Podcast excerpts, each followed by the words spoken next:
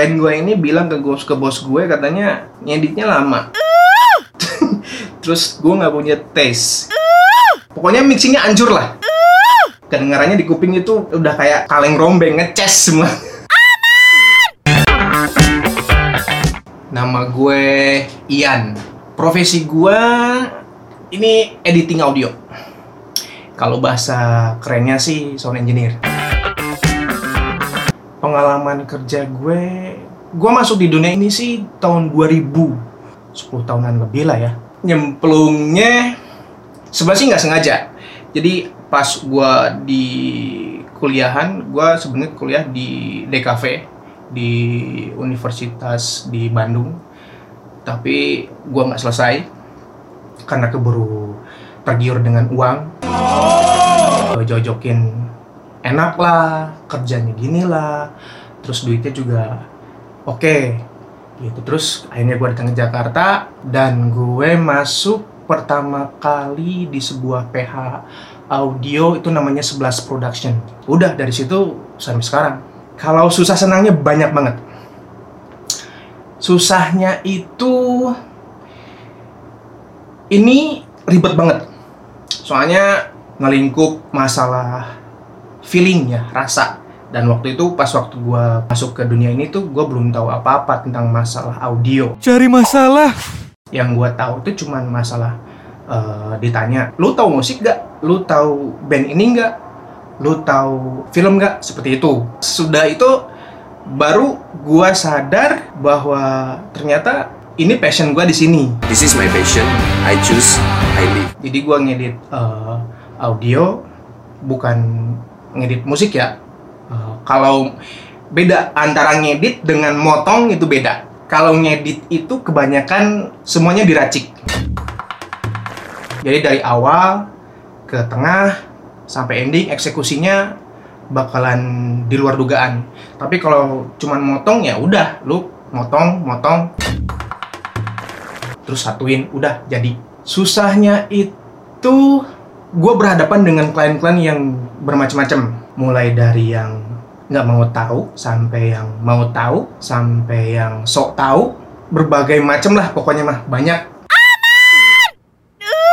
Oh iya, kalau dimaki-maki jelas, gue sampai ditinggal gue, ditinggal di di studio gue sendirian. Si klien gue ini bilang ke bos ke bos gue katanya ngeditnya lama.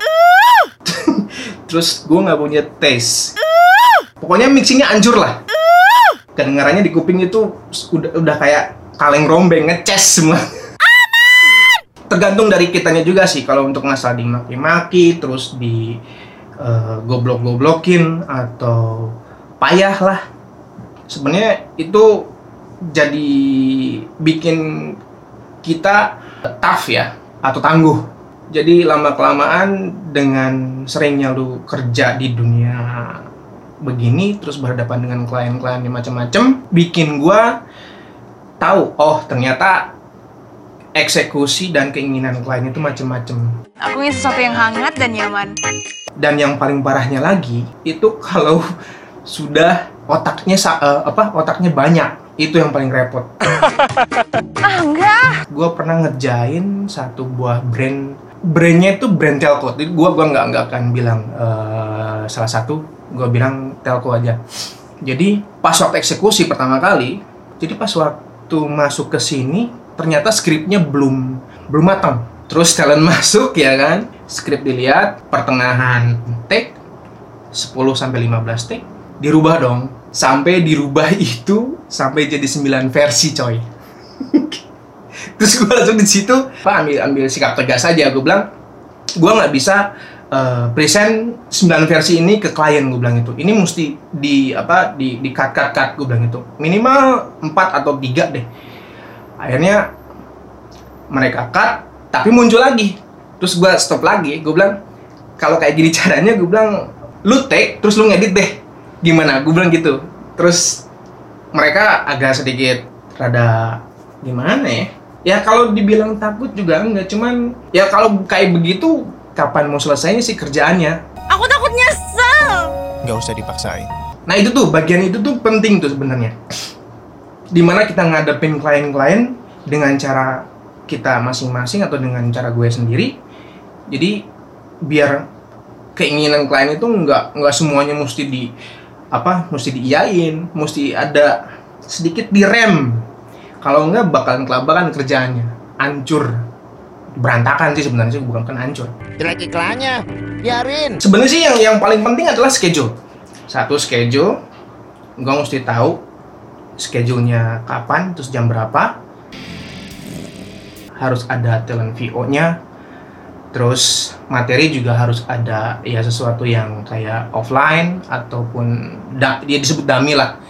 Habis dari situ sebenarnya sih yang, yang paling penting adalah gua sendiri itu kalau di audio di PH audio dulu ada PPM jadi gua datang ke klien mereka ngasih brief terus kita diskusi gimana bagi baik apa bagusnya baiknya gimana terus nanti take view-nya bagaimana terus eh, nanti eksekusinya kayak gimana. Seperti itu sih.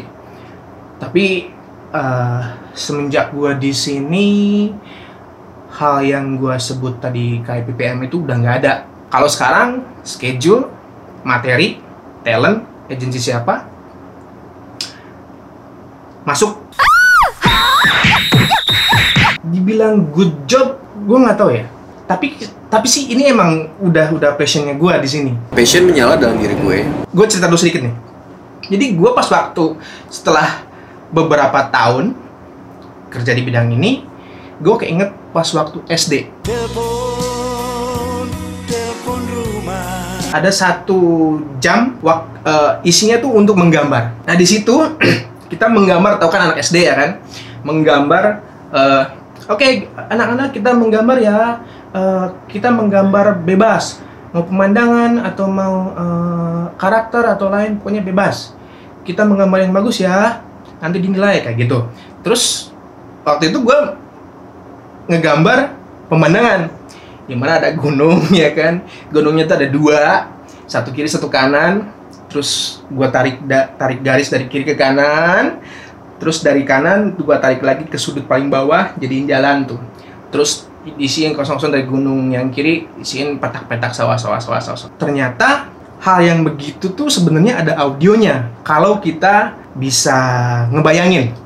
Jadi di situ ada suara eh, apa suara burung-burung. Pokoknya suasana suara suasana lah di situ semuanya ada di situ. Nah ternyata hal itu yang sekecil itu pun baru gua sadarin setelah beberapa tahun kemudian kerja di sini. Tadi good job good job. Tapi ya itu tergantung sama kitanya. Kalau kita nggak passion di situ ya ini bukan good job. Tapi kalau lu emang passion di situ ya ini pasti good job. Kalau masalah income bagi gua yang berkeluarga sekarang sebetulnya sepertinya sih pas ya. Pas keluar pas masuk. Masih satu digit lah. Hampir sebenarnya hampir dua digit. Kalau untuk si sisi eh, bujangan oh itu worth it banget. Enak banget. Tapi kalau untuk bagi gue yang sedang berkeluarga pas-pasan sih sebenarnya. Cuman ya namanya hidup gitu ya dari lubang tutup lubang. Kalau mau nyemplung nyemplung sekalian. Kalau setengah-setengah nggak bakalan berhasil. Soalnya gue pernah beberapa kali ada orang yang mau minta ajarin ke gue terus tiba-tiba gue udah ajarin semuanya terus tiba-tiba gue ajak masuk sama klien dan dia langsung jiper gitu. Terus dia menembang "Eh, gue ke keluar dulu ya. Nggak enak ada klien. Lah kalau dipikir kan sebenarnya bagus ya jadi salah satu sisi baiknya adalah gue memperkenalkan bahwa ah, ini sebenarnya bukan asisten tapi apa ya namanya newcomer ah, atau apa ya. Ya itulah. Dia bisa ngelihat cara kerja gue terus komunikasi gue dengan klien terus gue komunikasi dengan talent terus eksekusi kerjanya kayak gimana. Itu satu ya satu sisi yang baik sebenarnya gitu. Tapi kebanyakan mereka langsung mundur. Bahkan ada yang pas waktu gue cuman cuman baru baru ngasih sesuatu yang bukan langsung praktek. Cuman gue liatin eh, apa editingnya doang nih. Mereka langsung mundur. Memang susah. kalau dibilang banyak profesi kayak begini nggak juga. Soalnya banyak yang otodidak itu satu. Terus yang kedua sekarang kan udah udah ada sekolahnya tuh sekolah broadcast tuh yang namanya apalah gitu gua nggak ngerti. Du- nggak nggak kayak dulu.